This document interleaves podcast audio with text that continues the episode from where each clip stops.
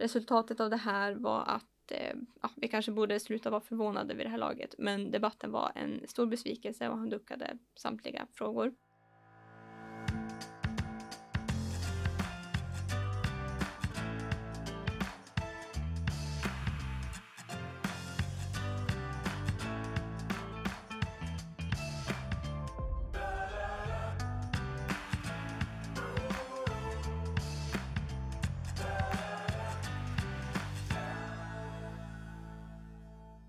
Hej och hjärtligt välkomna till Djurens Rättspodd på Djurens Sida.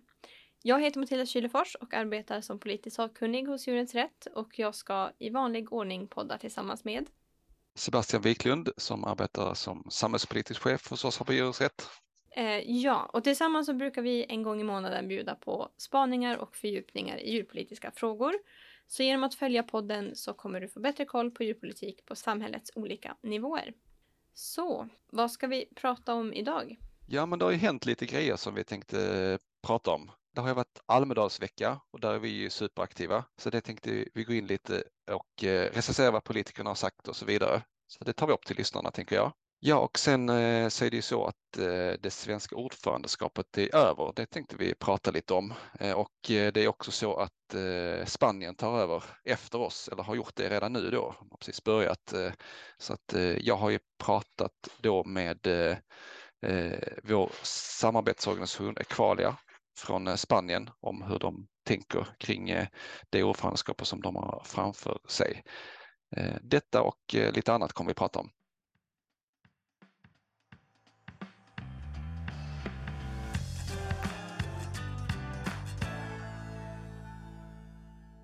Ja, eh, som du sa så är vi precis hemkomna från årets Almedalsvecka i Visby. Och eh, jag själv är ganska mör både i huvudet och i kroppen efter att ha snittat eh, drygt 15 000 steg per dag. Eh, hur wow, mår du? 15 000 steg.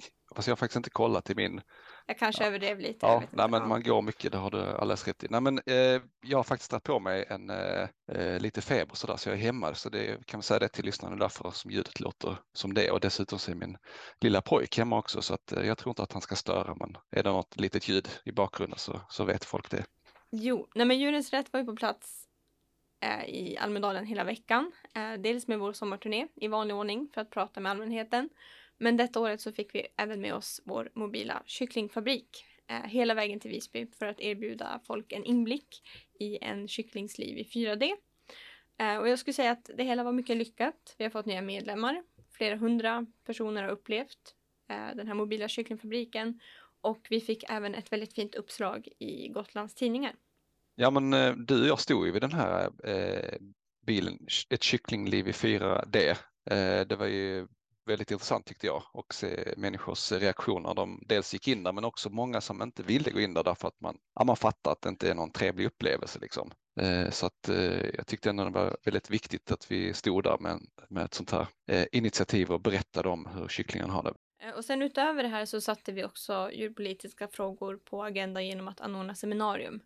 Eh, vi anordnade dels ett gemensamt seminarium med djurskyddet och World Animal Protection där riksdagsledamöter frågades ut och sen dels tre egna seminarium. Eh, och under de här tre så pratade vi först och främst med ungdomsförbund där vi adderade lite EU-kontext givet att valet till Europaparlamentet nu är mindre än ett år bort och givet att det är väldigt mycket som händer på EU-nivå som vi har pratat om många gånger här i podden. Eh, och sen pratade vi EU-politik med moderpartierna i vårt andra seminarium eh, där vi hade med oss tre Europaparlamentariker och två riksdagsledamöter. Eh, och sen under det tredje och sista så diskuterade vi företagens roll i omställningen till växtbaserat. Där fick vi höra exempel på hur företag arbetar med omställningen. Vi fick bli klokare kring vilken roll kommunikation kan spela i omställningen och vi lyfte varför det är en dum idé att ta omvägen från rött kött till vego via det vita köttet, kycklingkött alltså.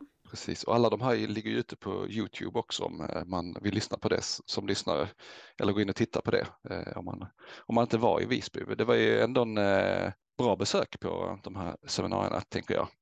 Mm, absolut, men in på Youtube och tipsa en kompis.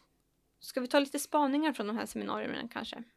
Ja, men det kan vi göra den som jag tyckte kanske var allra viktigast, eh, det var att man såg en tendens till att partierna eventuellt nu verkar ändra på eh, sin politik kring eh, pälsindustrin.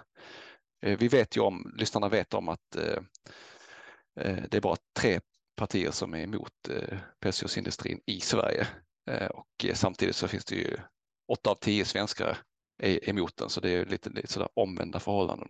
Absolut en majoritet som är emot det bland befolkningen, absolut en majoritet som är för det ibland politiken. Men eh, nu när vi ändrar så att säga spelplanen och har ett eh, medborgarinitiativ som har eh, gått igenom då med 1,5 miljoner verifierade namnunderskrifter så verkar fler och fler gå in på banan av att man kan tänka sig ett förbud på EU-nivå. Eh, och det innebär ju också då i förlängningen förbud i i Sverige så, så, att säga, med tanke på att vi är med i EU då. Det, jag tänkte att det kanske skulle vara något parti som ändrade sig, eh, men eh, nu vi har, när vi har varit på seminarier och hållit seminarier själva och så där så kan vi se att eh, det eventuellt är fler partier som har ändrat sig.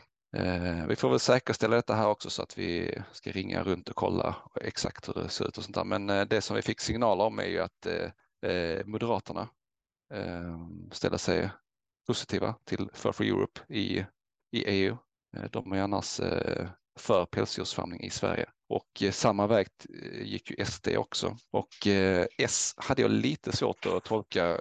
De, det kändes som hon kanske behövde gå hem och förankra sina, sina tankar så att säga. Men vi får väl ligga på dem där tänker jag. Precis och eh, lite osäkra är vi även kring eh, Liberalerna och eh, Centerpartiet. Men Liberalerna tillhör ju eh, de här tre partierna då tillsammans med Miljöpartiet och Vänsterpartiet som vill se ett förbud på nationell nivå.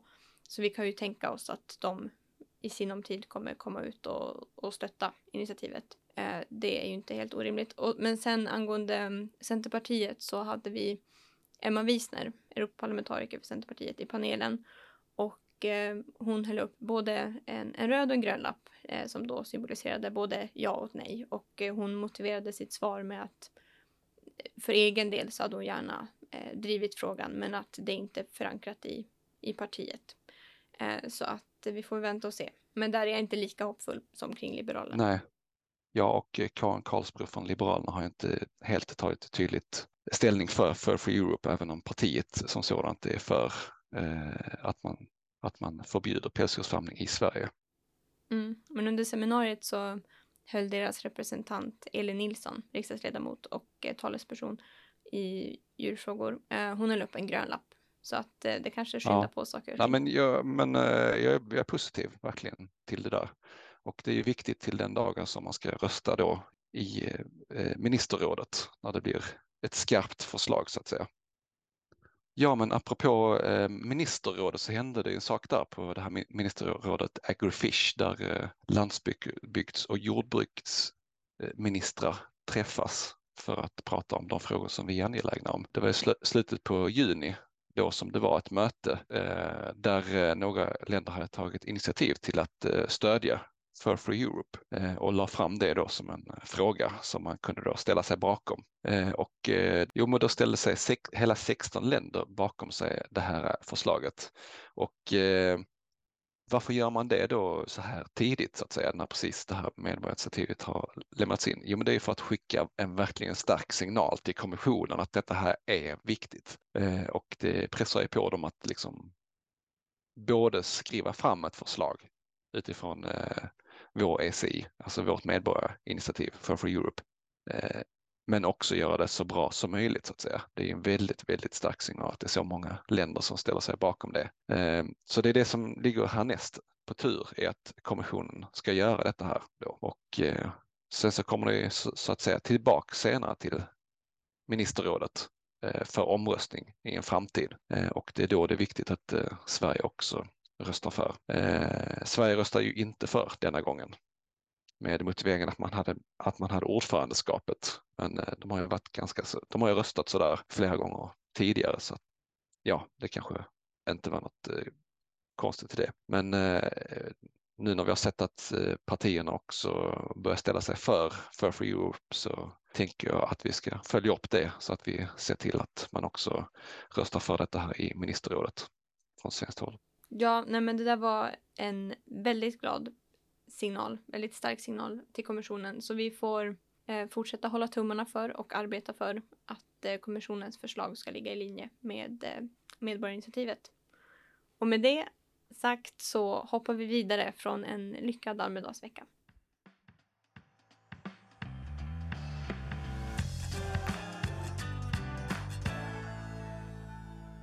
Ja, nu är det alltså juli, vilket betyder att vi har gått in i den andra halvan av 2023 och därmed att Sverige överlämnat ordförandeklubban i EUs ministerråd till Spanien.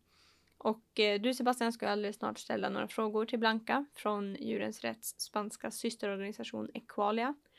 Men jag tänker att vi först ska knyta ihop säcken eh, på svenska och eh, sammanfatta regeringens första nio månader. Mm.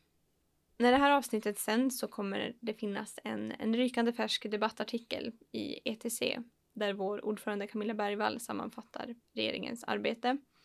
Och eh, där skriver hon att, eh, eller bland annat att det här faktumet att vi nu mindre än ett år in i mandatperioden befinner oss i ett läge där vi måste prioritera att förhindra försämringar snarare än att enbart arbeta för förbättring är väldigt eh, tröttsamt. Eh, och för så är det ju. Att det vi hittills har fått från regeringen är liksom inga förbättringar utan endast eh, hotad betesrätt för mjölkkor och besked om att köttkonsumtionen ska öka. Så det är inte så glatt. Nej, det är fel håll ju. Ja, lite så. Uh, och på temat med köttkonsumtion så är bakgrunden här att de nya nordiska näringsrekommendationerna presenterades varpå landsbygdsministern gick ut och sa att regeringen kommer inte lyssna på delar av de här rekommendationerna.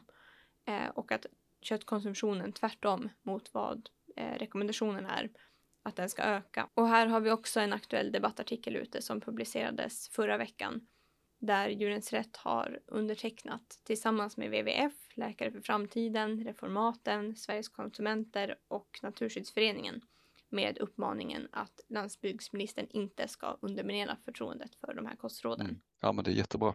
Ja, Vidare så kan jag ta upp en aktuell händelse på tema landsbygdsministern som hänt sen sist vi poddade. Och det var så då att han ställdes till svars för turbokycklingarnas situation i en interpellationsdebatt i riksdagen. Och då var det Rebecca Lemoine från Miljöpartiet som stod bakom interpellationen eh, och hon ställde frågor som hur landsbygdsministern ser på att ställa om från de här snabbväxande eh, så kallade turbokycklingarna till mer långsamväxande och hälsosamma raser. Eh, och hon frågade även hur ministern ser på att introducera kriterierna för eh, något som heter European Chicken Commitment, välfärdskriterier för kycklingar, eh, som en del av djurskyddslagstiftningen och låta dem utgöra en miniminivå. Och sen en tredje fråga hon hade var att om han då inte är beredd att göra de här sakerna, hur ser han på att åtminstone öka tillsynen? Eh, och eh, ja, resultatet av det här var att eh, ja, vi kanske borde sluta vara förvånade vid det här laget. Men debatten var en stor besvikelse och han duckade samtliga frågor. Eh, och dessutom så passade han på att anmärka på ordet turbokycklingar som han då ansåg var ett försök att nedvärdera och smutskasta sådant man ogillar.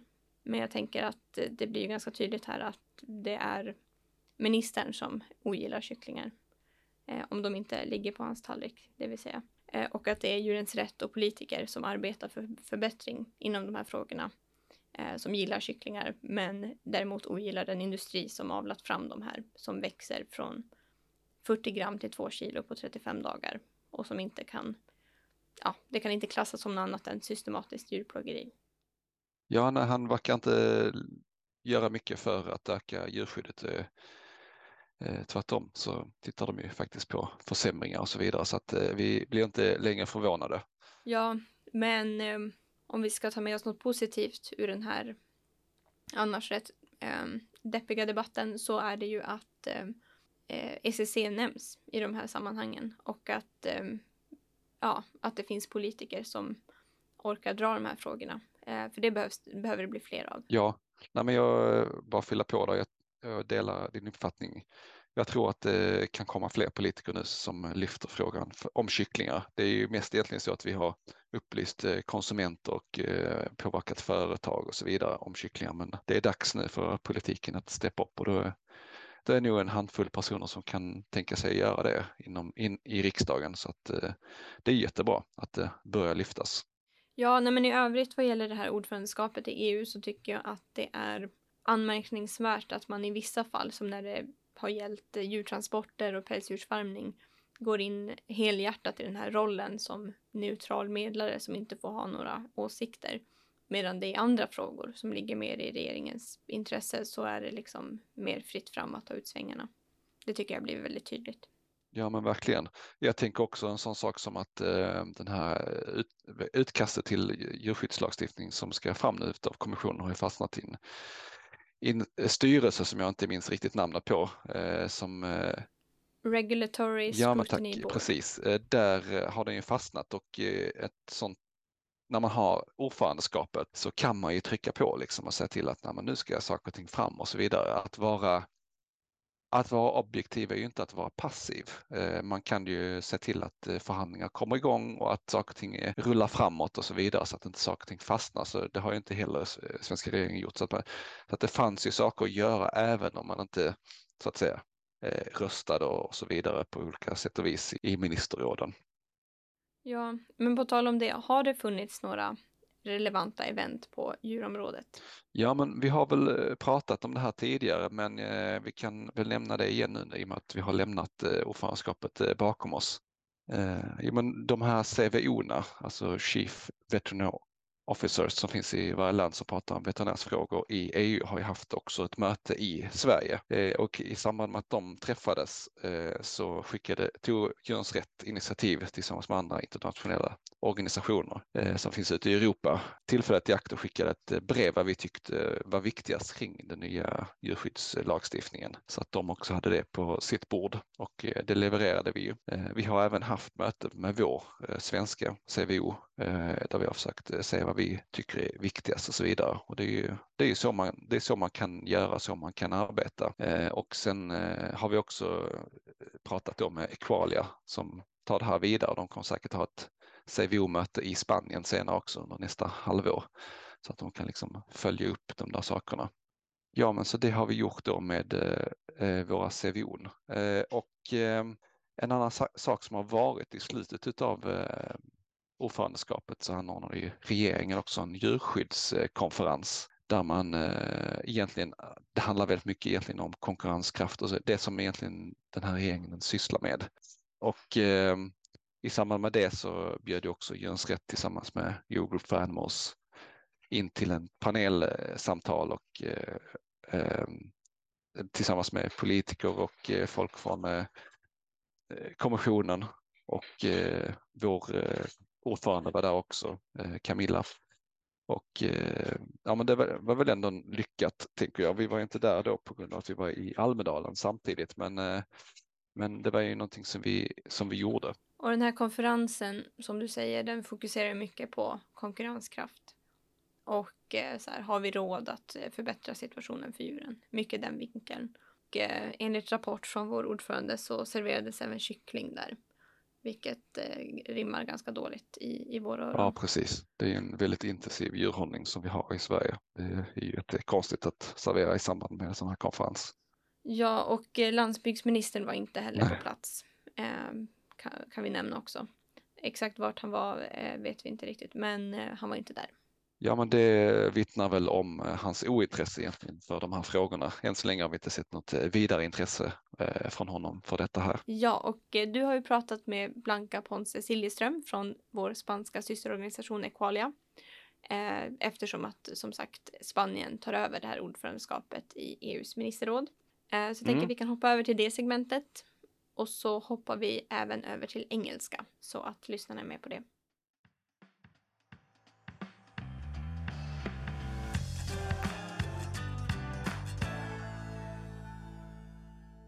Great. Well, I'm sitting here with uh, Blanca Siljeström from uh, Spain, Equalia. Very welcome. And thanks for the invitation. And uh, we're going to speak about uh, the presidency that uh, Sweden Sweden have had now uh, during six months, and now you're taking over in Spain, and how that's transition is uh, going and what we focused on and what you will focus on. So it's great to have this uh, conversation and uh, see what's it will be all about. Uh, and your uh, position in uh, Equala, will you tell about that first? Yes, I'm the institutional outreach specialist at Equalia, and my role is focused on having conversations and promoting welfare policies for animals in the Ministry of Agriculture in Spain and well to, to promote um, new laws um, in the government of Spain. So also we want to um, support uh, the future regulations that the European Union is working on that are focused on farm animals.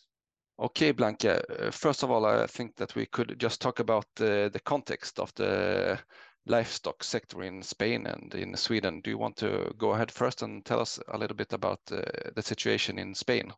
So in Spain, approximately uh, 900 million land animals are slaughtered each year. Uh, so it's a huge figure. Of these, the majority uh, are poultry, hens, chickens, ducks, and geese. This, this is according to the data published by the Ministry of Agriculture.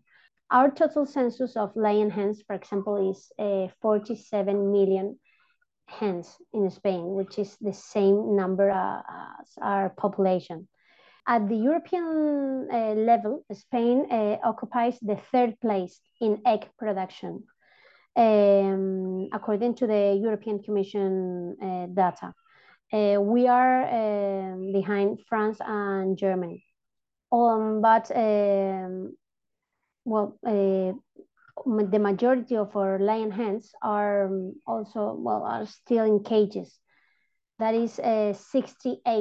Uh, and we only have 20% uh, Barn hens, uh, free range represent 9%, uh, and organic hens represent only a one uh, and a half percent of our production. So uh, laying hens will be the first animal uh, that uh, the, the future regulation will impact. And we have a long path still ahead of us taking in account that the majority of our production, uh, for example, is, is in cages. Well, if I should say something about the Swedish situation, I would say the most uh, intense farming is like uh, laying hen as well as uh, you have, and uh, the poultry sector.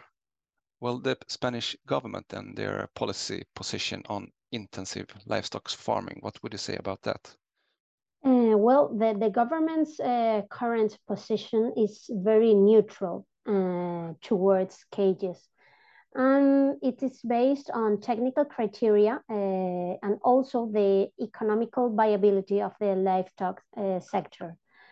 They don't want to leave behind any specific sector, such as the small producers and the rabbit sector in, in Spain and the, the ministry is, is concerned about those uh, groups. Uh, they don't want to harm this interest and cause a decrease in production. Uh, for example, uh, looking at the price of the eggs, which has already increased, and also the uh, pig meat. Spain is, is a very important uh, producer of pig meat, and we export a lot of, of towns, um, even outside the European Union. So the, the ministry does not want to, to hurt uh, these sectors and they're worried because of the inflation, the Ukraine war, uh, the price has already uh, increased and they don't want to, to make anything that will increase it even more but uh, we need to advance in animal welfare and it's it's necessary to make um, a transition which uh, had a, will have a cost of course but uh, it doesn't mean that it won't be uh, viable for the producers because the the I think the public institutions will uh, give a lot of money and they will give a lot of time to the producers uh, to make this transition possible. So um, we are not concerned about the feasibility of this change. Mm. Well, I would say I, I, recognize a lot of these arguments about inflation and everything about to protect the, the kind of industry. Historically, the Swedish government have not been doing so very much, I would say, about this. Well, we're going to talk a little bit about uh, this uh, presidency that we had now in Sweden for half a year. And um, I would say if if we had any progress, I, I wouldn't say that we had any progress. The government has not been talking about this so very much. And uh, the Swedish government as well have had a, a conference last week, actually. So it was just in the end of the presidency about animal welfare. So, uh, what do you think your uh, your presidency presidency? What uh, position will Spain take during that uh, period? Do you think?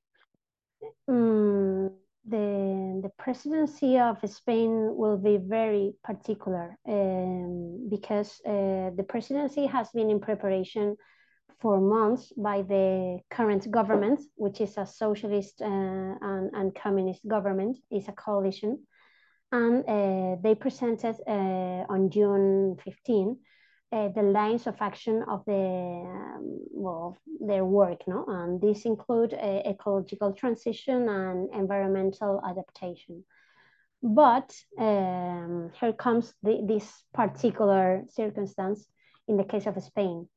Uh, we had uh, regional elections, and after uh, the electoral turnaround um, of the regional and municipal elections that the Socialist uh, Party lost, uh, the president of the government decided to bring forward the general elections of Spain to July uh, the 23rd. Uh, they were going to be in December, so um, at the end of the presidency, but now we will have these elections in, in 20 days. Uh, taking into account that uh, all the surveys and also the, the results of the regional elections um, show um, that most probably will be a change of government. This is this is a strange situation uh, during the presidency. Uh, but uh, organizations like Equalia, uh, we have taken advantage of this uh, situation to try to include in the electoral programs of all the political parties explicit support for cage-free systems. Um, at the same time, uh, well, um, two days ago, Spain uh, started the presidency, and we we have launched a report uh, where uh, we analyze the livestock sector in Belgium, Hungary, and Spain. Why these three countries? Because uh, it's a trio that will preside uh, the Council of the European Union. The first one is Spain, then uh, Belgium, then Hungary.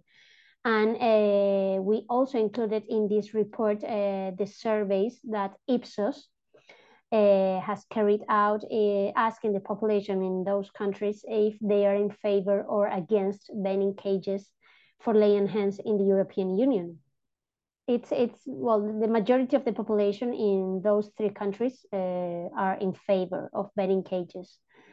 Uh, but uh, with the um, probable change of government uh, this will imply that we have to take new routes uh, in the presidency of the council of the european union and this may affect uh, the, the future regulation uh, based on NDKH uh, in the sense that most probably with a conservative government, uh, the new government will be more aligned with producers. And as we analyzed, Spain has the majority of its production in, in cages. So this European regulation will have a big impact in Spain. Well, uh, what do you say? Do you have any, what would say the, is the challenges to advance uh, policies in the farmed animal welfare? Well, um, we have two challenges, uh, time and money, because let's take into account that Spain has uh, 90 million animal in cages, and we are the second country with more cage animals in the European Union after Poland. So this implies that the adaptation cost will be very high uh, for Spain, and it should also be taken into account that the current, that even the current left-wing government uh, has refused to maintain any controversy with the sector and has made also multiple public statements that annul the animalistic discourse of some members of the government coalition, uh, specifically the Minister of Consumption, which comes from the Communist Party. But we have also we also have other reports that uh, um, explain that the cost of transitioning will be lower than uh, produ producers think. Uh, there is a report made by Animal Ask uh, that talks about this cost, and the conclusions presented by the research are very clear. In the case of pig, pig production, uh, the cost uh, uh, would um, would increase from around 8% uh, to 25%, depending on the scenario considered, but it, it's not a very big increase. And um, in the case of uh, the cage-free production, uh, it will um, take between 5% and 18%. If we take into account that uh, the, the, the industry is, um, is very, um, it's not very atomized. It's in the hands of few uh, companies that have the economic muscle to make these uh, investments. Consumers uh, will not receive a big impact um, because of this transition. Um, and because of the um, prohibition to, to have the animal in cages. For these reasons, uh, we believe that the future government uh, should demand a lot of support for the sector so as to guarantee the economic viability of farms while ensuring uh, that higher animal welfare standards are implemented in Spain. Great. Uh, okay, uh, it was very nice to talk to you and hear the situation in Spain and uh, all the things that you're analyzing now, what's going to happen and how you're going to work with it uh, during your presidency. I really could just say uh, I wish you good luck, and if you need our help from our position in Sweden, so just just uh, talk to us, and we will uh, gather to push for for a better better situation for the animals. Thank you. Thank you. It was also a pleasure to to talk to you, and of course, you can count off on us too if you need something. Okay, Blanca. Bye bye. Bye. Thank you.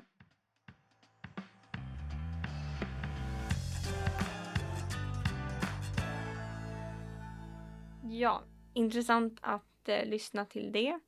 Eh, det känns som att Sverige och Spanien har rätt lika förutsättningar när det kommer till många olika områden. Eh, och eh, vi kan också nämna det att det är ju under Spaniens ordförandeskap nu då till hösten som de här lagförslagen väntas från EU-kommissionen. Så att där vill vi se att de är på tårna och tar emot dem väl. Eh, men ja, då ska vi börja gå på avslut. Och eh, vi kan också säga det att podden kommer ta semester, precis som vi, men att vi är tillbaka i september. Så vad ska du ha för dig Sebastian? Jag ska ha semester, precis som du sa. så att jag kommer resa lite med familj och träffa vänner och sådär. Vi kommer att ta oss ner till eh, Tyskland. Det är den grejen som vi kommer att uh, göra. Och själv då? Vad ska du göra? Ja, nej, jag tänkte eh, gifta mig i slutet på juli och sen ska det resas runt på, på Balkan i drygt tre veckor. Ja men wow, alltså att uh, gifta sig och att uh, resa runt på Balkan låter ju toppen. Ja, vi får se hur utvilad jag är när, när vi är tillbaka till hösten bara. Men det blir kanon. Uh, ja, det var allt vi hade att uh, bjuda på idag. Gillar du vår podcast så se till att du prenumererar på podden för då missar du aldrig när ett nytt avsnitt släpps i din poddapp. Och eh, nu kommer vi som sagt gå på semester men vi är tillbaka i september. Så tills vi är tillbaka passa på att lyssna i kapp på gamla avsnitt från Solstolen och eh, besök gärna vår sommarturné som åker runt i Sverige. Turnéplan hittar ni på www.djurensrätt.se sommarturné. Ja, och eh, till sist så vill vi också tacka dig som har lyssnat. Och det är tack vare våra månadsgivare som vi kan fortsätta göra skillnad för djur som är flest och har det sämst. Och vi behöver verkligen din hjälp mer än någonsin. Gå in på www.djurensrätt.se medlem och bli månadsgivare idag. Och vill du som lyssnar tycka till om podden och komma med önskemål på ämnen eller gäster, mejla oss gärna på podcast. Ha en jättefin sommar så hörs vi till hösten. Och eh, tack för att du står på djurens sida. Hej då! Hej då!